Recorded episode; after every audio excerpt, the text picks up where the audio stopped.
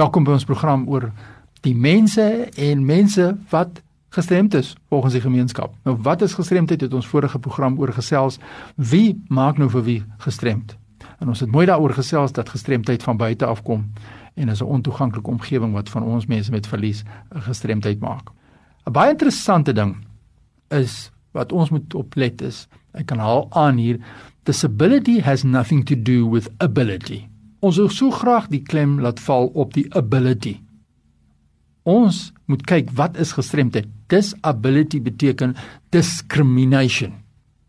So dit het alles te doen met diskriminasie en nie met die vaardigheid van mense nie. Vaardigheid, almal het vaardigheid op verskillende vlakke. Elkeen kan sy eie volle potensiaal op sy vlak in terme van sy vaardigheid, sy ability ontwikkel. Maar nou plaas mense die klem so sterk op die persoon, die disability op die ability part dat ons ons altyd moet bewys. Ons hoef nie onsself te bewys nie. En dit plaas geweldige druk as ons verkeerd verstaan wat beteken disability. En nou sê ons disability beteken eintlik discrimination.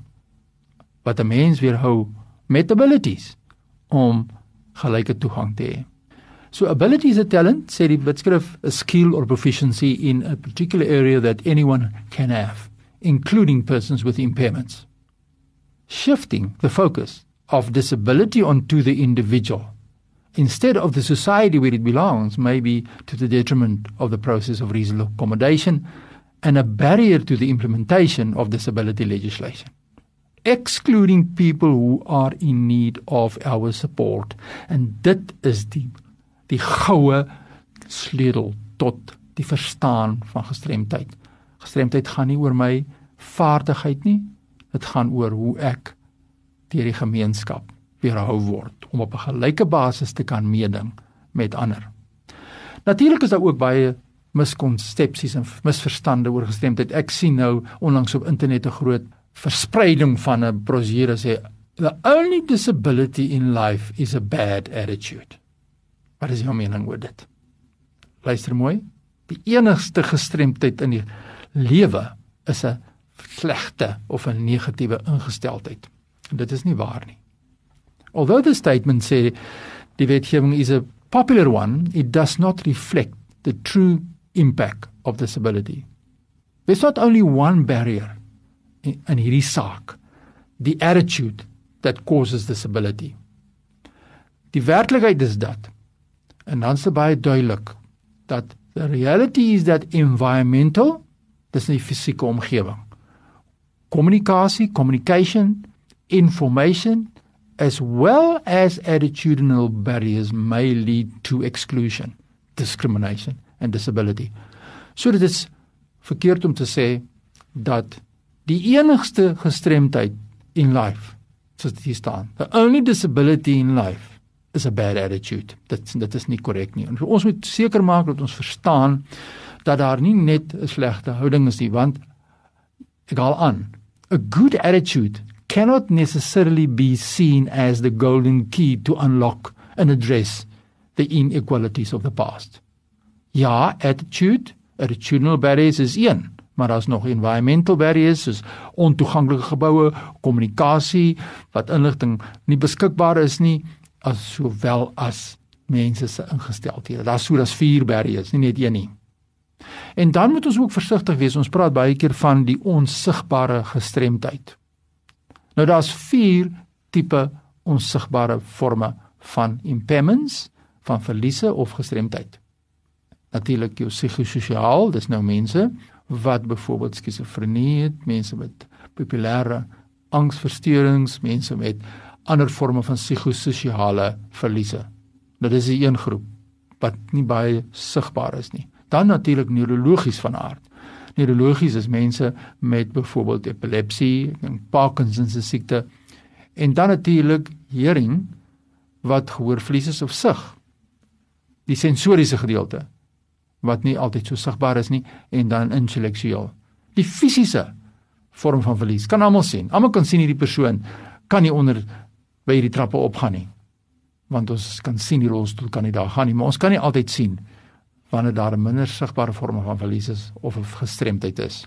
Want as ons dit nie in perspektief stel nie, dan gaan mense dit nooit verstaan nie. So daar's vier onsigbare forme van verlies wat vir ons kennis moet neem en die Witskrif sê vir ons baie duidelik en ek haal aan these persons with this invisible impairments are therefore required to present additional proof of impairment.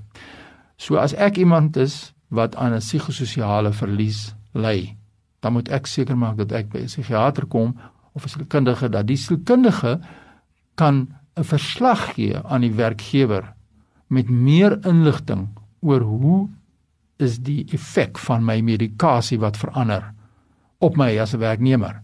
Want ons weet almal as 'n mens se psigososiale verlies het en jy verander medikasie, mense wat depressie het of wat ook al die geval mag wees, dan is dit kan baie keer traumaties om daardie medikasie te verander. En nou dit het 'n direkte impak op die persoon se werksuitsette by die werk.